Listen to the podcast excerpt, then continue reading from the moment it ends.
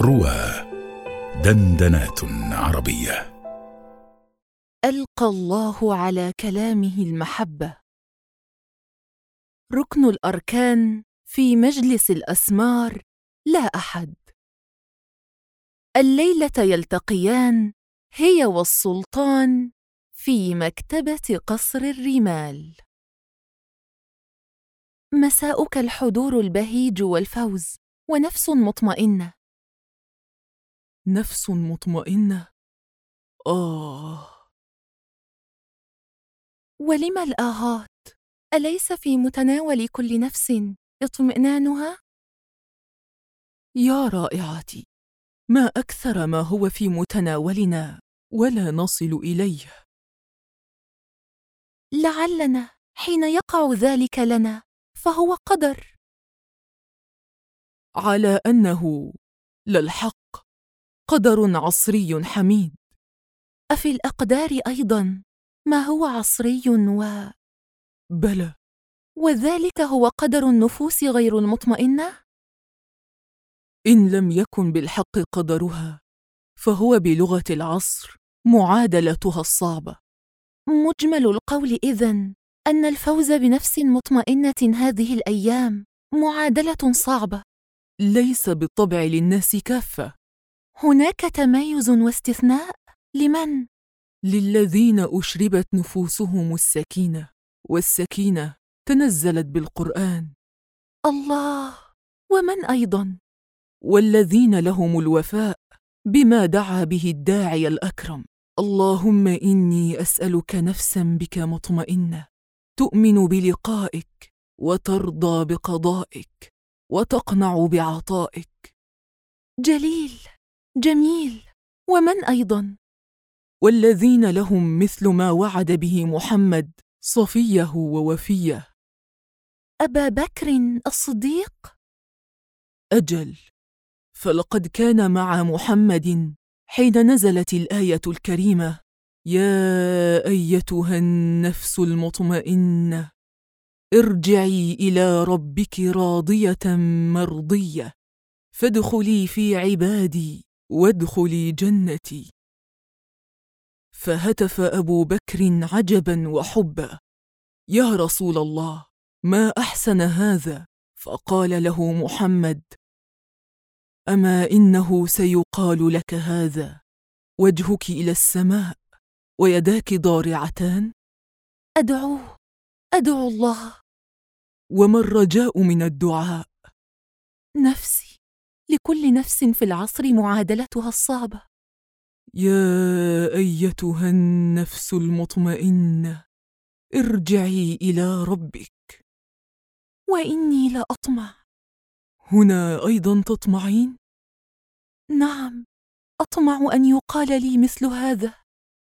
يا شيخة بعد عمر طويل. الآن ونحن نواجه هذه الصفوف الشاسعة. من مؤلفات كتاب وشعراء أجانب وغرباء عن محمد. فيما تفكر؟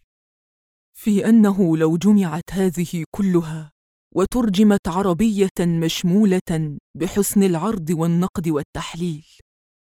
فكرة للمناقشة وباب الاجتهاد فسيح مرحب. خاصة وأن هؤلاء الأجانب ليسوا جميعا سواء فإذا كان فولتير مثلا قد كذب وأغرد وتعصب فيما سود عن محمد. فإن لامارتين وهو فرنسي كفولتير قد كتب الأصدق والأجمل. أتعرض هنا لبعض قوله؟ إليك نصا بالحرف مما قال. إنه ما من رجل غير محمد نذر نفسه لهدف أسمى كهذا الهدف. فقد كان هذا الهدف مما يفوق القدرة البشرية. هدم المعتقدات الباطلة التي تتخذ زلفى وواسطة بين الخالق والمخلوق. رد الله إلى الإنسان والإنسان إلى الله. الفكرة العقلانية والقدوسية للألوهية الصحيحة في هذا السديم من الشرك والوثنية. ما من رجل سوى محمد أنجز بمثل وسائله الضعيفة عملا كهذا العمل الذي يتجاوز المألوف ويفوق طاقة البشر. ذلك لأنه لم يعتمد في تصور وإنجاز مقصد عظيم كهذا المقصد إلا على نفسه. ثم قلة من الأميين في ركن من أركان الصحراء. ثم انه ما من رجل عدا محمد استطاع أن ينجز في مثل هذا الوقت القصير ثورة في العالم ترقى إلى مثل هذه العظمة والاستمرار. إذ ما إن مضى أقل من قرنين على مبعثه حتى ساد الإسلام المبشر به أرجاء البلاد العربية كلها كاسبا لتوحيد الله كلا من الفرس وخراسان وجنوب الاتحاد السوفيتي والقوقاز وإسبانيا وجزء من بلاد الغال. وهذا واحد من كبار نقاد محمد الجادين الصرحاء سير ويليام موير وهو بريطاني كبير شغل مناصب هامة في الهند وحاضر في جامعة إدنبرا وامتاز بدراساته في التاريخ الإسلامي ومن أشهر كتبه الخلافة طبعة لندن 1891 وكتاب حياة محمد طبعة لندن 1924 كتب سير ويليام موير وهذا نص حرفي مما كتب. كانت السهولة صورة من حياة محمد كلها وكان الذوق والأدب من أظهر صفاته في معاملته لأقل تابعيه إن التواضع والعطف والصبر والإيثار والجود صفات ملازمة لشخص محمد وجالبة لمحبة جميع من حوله. لم يعرف عنه أنه رفض دعوة أقل الناس شانا ولا هدية مهما صغرت. وما كان يتعالى في مجلسه ولا شعر أحد عنده أنه لا يخصه بإقباله وإن كان بسيطا وحقيرا. كان محمد إذا لقي من يفرح بنجاح أصابه أمسك يده وشاركه سروره. وكان مع المصاب والحزين شريكا شديد العطف. حسن المواساة. وكان في أوقات العسر يقتسم قوته مع الناس. وكان دائم الاشتغال والتفكير في راحة من حوله وهناءتهم. وهنا أستاذة لامعة وباحثة معاصرة هي الدكتورة إيفا دي فيتري مايروفيتش عضو المركز الفرنسي للبحث العلمي باريس. إذا كانت عظمة المقصد وقلة الوسائل وضخامة النتيجة تمثل المقاييس الثلاثة لعبقرية الرجل فمن ذا الذي يجرؤ على أن يقارن بمحمد من الوجهة الإنسانية رجلا من عظماء رجال التاريخ المعاصر؟ إن أشهر أولئك الرجال لم يهزوا إلا أسلحة وقوانين وإمبراطوريات. ولم يؤسسوا إذا أسسوا شيئا على الإطلاق سوى قوى مادية غالبا ما تنهار قبلهم. أما هذا الرجل فقد هز أسلحة ودساتير وإمبراطوريات وشعوبا وممالك وملايين من الرجال على ثلث المعمورة. ثم إنه زاد فهز أسلحة مذابح المعابد والآلهة والديانات والأفكار والمعتقدات والأرواح وأسس في كتاب كل حرف فيه غدا قانونا. قومية روحية تشمل شعوبا من كل لسان ولون.